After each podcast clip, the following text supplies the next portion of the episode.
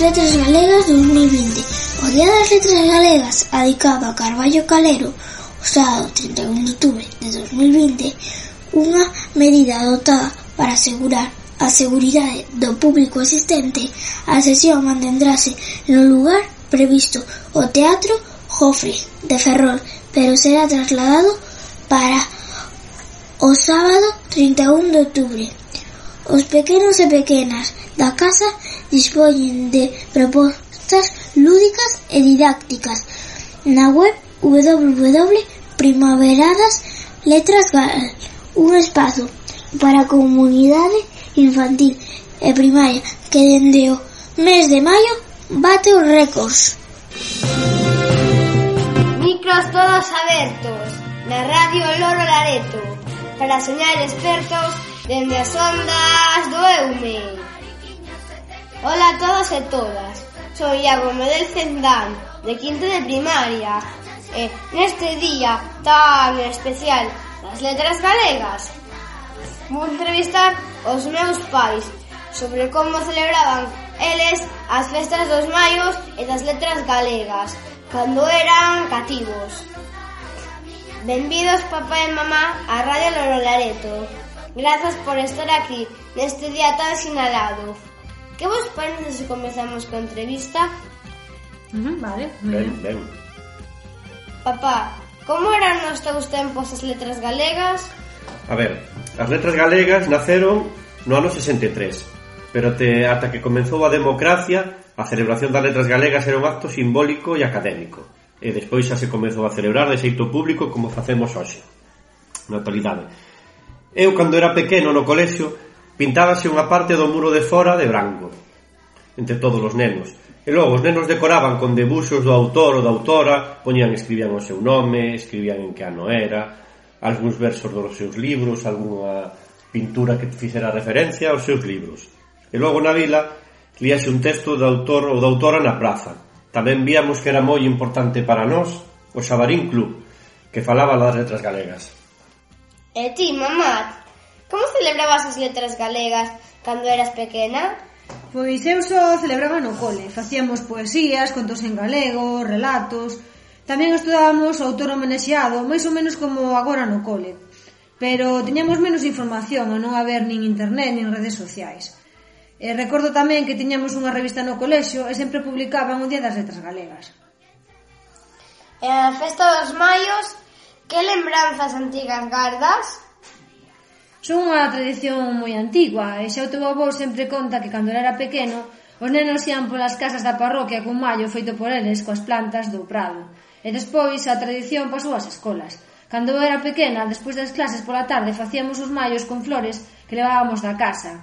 E o día 1 de maio íamos á festa dos mallos de Pontedeume cantando polas rúas e lle pedíamos cartos á xente. Cos cartos que xuntábamos íamos merendar todos xuntos. E ti, papá, celebrabas os maios cando vivías en Ourense? Na cidade de Ourense era e sigue sendo unha festa moi importante.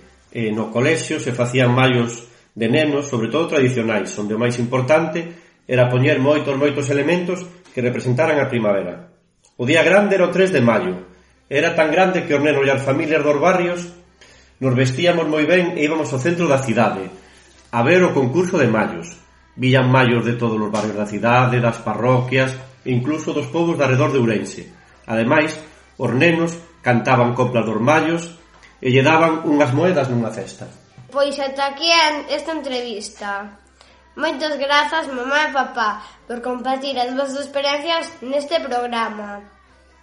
E vos, seguidores da nosa radio, espero que gozades deste día tan especial das letras galegas e que leades moito en galego, porque é a lingua da nosa terra. Ata outra rapazada. Bo día, somos Mateo e Manuel. O primeiro, saúde. Hoxe, imos vos a presentar a sesión de chistes. Xa que levar a cuarentena con bo humor tamén é moi importante. Ben, Comezamos. Ola, vos días repasada. Sou Mateo e vou vos contar un chiste. Espero que vos gusten. Aí van. Do famoso Xaimito. A nai de Xaimito dille a Xaimito. Xaimito, vou facer a compra. Tes que meter o polo no forno, o neno na cuna, facer un bocata de nocilla e fregar o solo con lexía. Xaimito lle contesta. Vale, mamá. Xaimito meteu o polo na cuna, O neno no forno, fregou, solo con nocilla e fixo un bocata de lixía. Cando chegou a nai, dille berrando. Que fixeche? Shhh, que o polo está dormindo na cuna.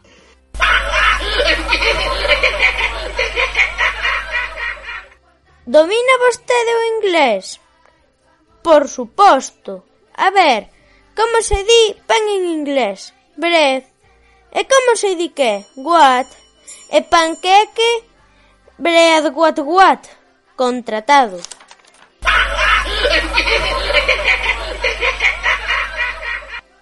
Está Pepito facendo a tarefa e lle pregunta ao seu pai. Papá, como se escribe campá? Campá se escribe como soa. Entón, escribo talan talán.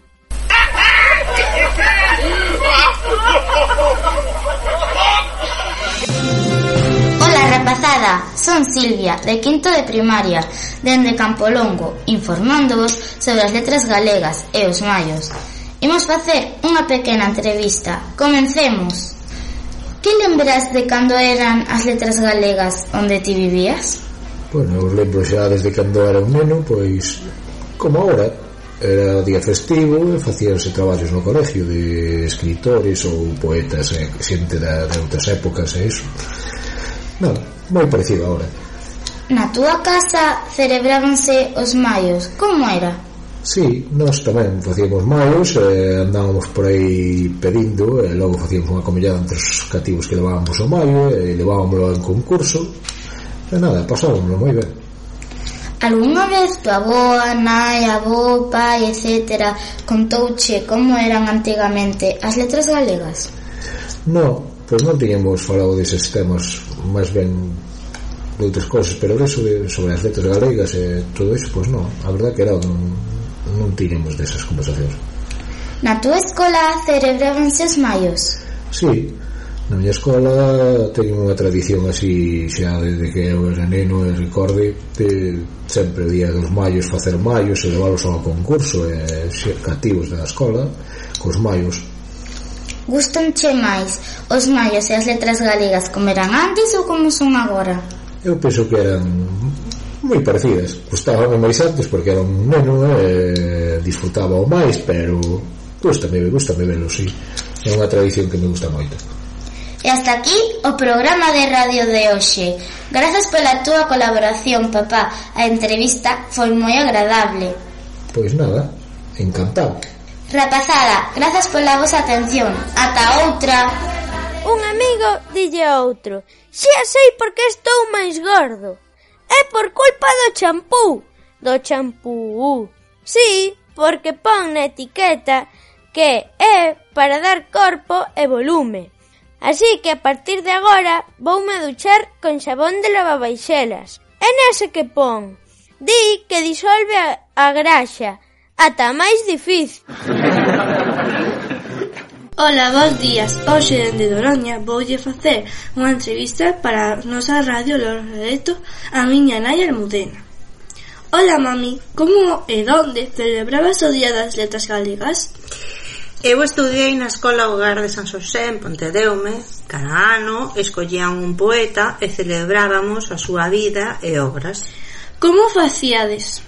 Pois, cando a mestra nos dicía quen era o homenaxeado, facíamos murais, cousas poemas, facíamos traballos de investigación sobre a súa vida e iso é o seu traballo. E nos, noutras ocasións incluso facíamos obras de teatro. Esta información que nos deu a miña nai é moi importante xa que agora nos, me, nos mesmos Podemos investigar, falar, incluso facer traballos, obras de teatro, etcétera. Entón, é moi importante preguntar pola infancia dos nosos pais. Grazas, mami, pola tua información para a nosa Radio Oloro Lareto. Ata outra, laretados e laretadas. Ata outra, mamá. Grazas. Este chiste é dun famoso tan coñecido como Xaimito. Está Pepito facendo a tarefa e lle pregunta ao seu pai. Papá, Como se escribe campá? Campá se escribe como soa. Entón, escribo talán talán.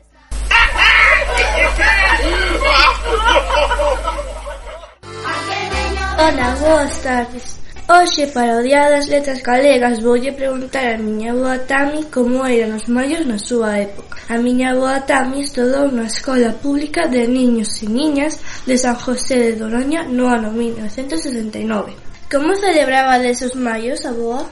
Pois na escola a mestra enseñábanos unha poesía ás nenas. Como era a celebración dos maios? O día 1 de maio íbamos á iglesia a levar un ramo de flores á Virxen do Carme. Despois recitábamos unha poesía. Queres que che diga a miña, que non me acordo? Vale. Pois a miña era, poñeste diante da Virgen enseñabas o ramo e eh, dicías, a miña era como soy tan pequeñita e tengo tan poquita voz non me canso de decir viva la madre de Dios Facíamos algo especial a vosa mestra?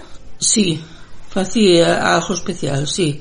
O, uns días antes levábamos uns papeliños con un desexo e metíamolos nunha caixiña que tiña a maestra e despois un día no recreo queimábamolos e, porque a nosa mestra era de Elche e facían así, daquela e deste xeito celebrábase na súa cidade. Isto que me contou a miña aboa é moi importante para facer traballos, investigar e moitas cousas máis. Isto é para que nós nos demos conta de que a vida dos nosos avós e avós ten moitas historias por descubrir. Moitas grazas, Tania, encantoume que estiveras aquí. Espero que vos gustara como a min. Ata outra rapazada. Ata outra, Tami. Hasta outra. Miña netiña. Medidas higiénicas fronte ao COVID-19. Lavar as mans con auga e xabón frecuentemente ou con desinfectante que conteña alcohol.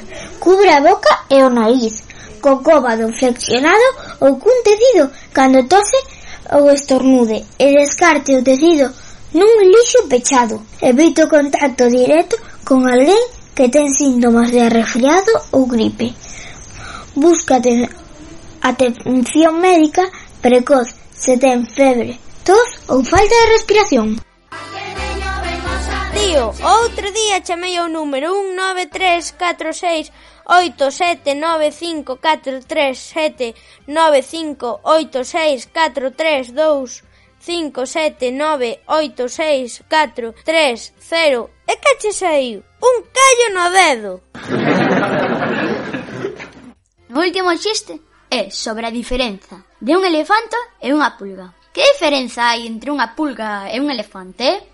que o elefante pode ter pulgas e a pulga non pode ter elefantes. Pero que vos gustaran esta sección de humor chistes agora. Deixámovos con Diego e Celtia. E aquí remasta esta sección. Ata outra! Pois, moitas grazas por escoitarnos dende as nosas casas. Agradecementos aos nenos e nenas de Quinto que fixeron posible este podcast dende as súas casas. Estade moi atentos, porque a Radio Loro Lareto sempre ten os seus micros abertos. Despedímonos dende as nosas radiocasas. Ata o próximo Casa Podcast. Ata logo, rapazada. Ata outra.